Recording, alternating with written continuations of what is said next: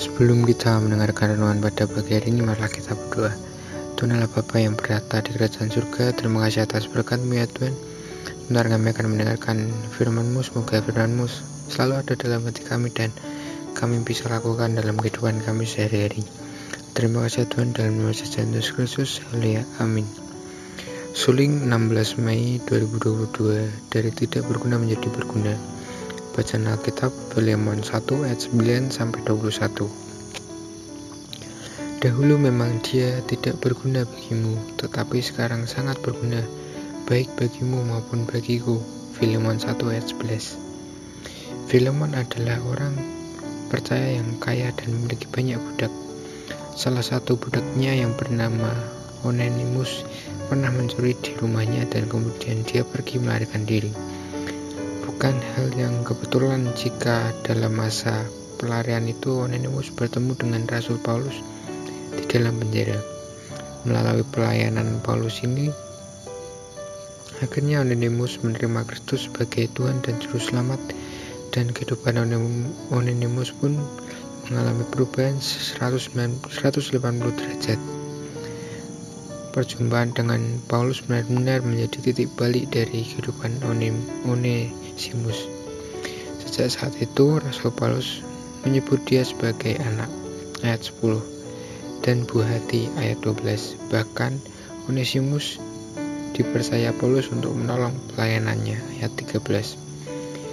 Onesimus yang dahulu hanya seorang budak, bahkan seorang pencuri, dia dinaikkan derajat oleh Tuhan menjadi hamba Tuhan Onesimus yang dulu tidak berguna setelah bertemu dengan Paulus dan bertobat dia menjadi sosok yang berguna.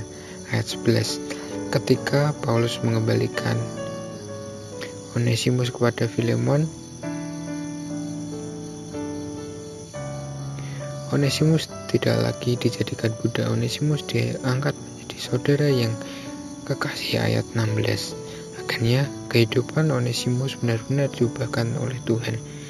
Tuhan memberikan anugerah kepada Onesimus untuk merdeka, untuk Onesimus dapat menjadi orang yang berguna dan dipakai Tuhan untuk pekerjaan pelayanan Injil pada saat itu.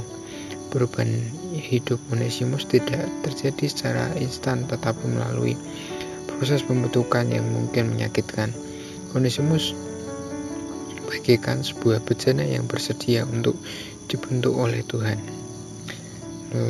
Melalui kisah Onesimus ini kita bisa belajar bahwa ketika kita sungguh-sungguh bertobat dan hidup seturut dengan perintah dan kehendak Allah, maka hidup kita akan diubahkan. Kita tidak dapat menjadi bejana yang sesuai kehendak Tuhan jika kita tetap merasa merasakan hati jika kita pernah jatuh dan masih ditegur Tuhan melalui firman Tuhan, artinya kita masih berada dalam kasih setia Tuhan. Pakai kesempatan yang Tuhan beri untuk meninggalkan dosa-dosa yang kita perbuat dengan pertobatan yang sungguh-sungguh, tentu Tuhan akan menolong. Seperti Tuhan mengangkat derajat Onesimus, Tuhan juga pasti akan mengangkat derajat kita menjadi orang-orang yang berguna untuk pelayanan dan kemuliaan nama Tuhan. Dibutuhkan penyerahan diri secara penuh kepada Tuhan untuk menjadi pribadi yang lebih baik. Pokok doa, berdoa untuk pelayanan keluarga Penita Samuel dan Saudari Valentino. Sekian renungan pada pagi hari ini, Tuhan Yesus memberkati.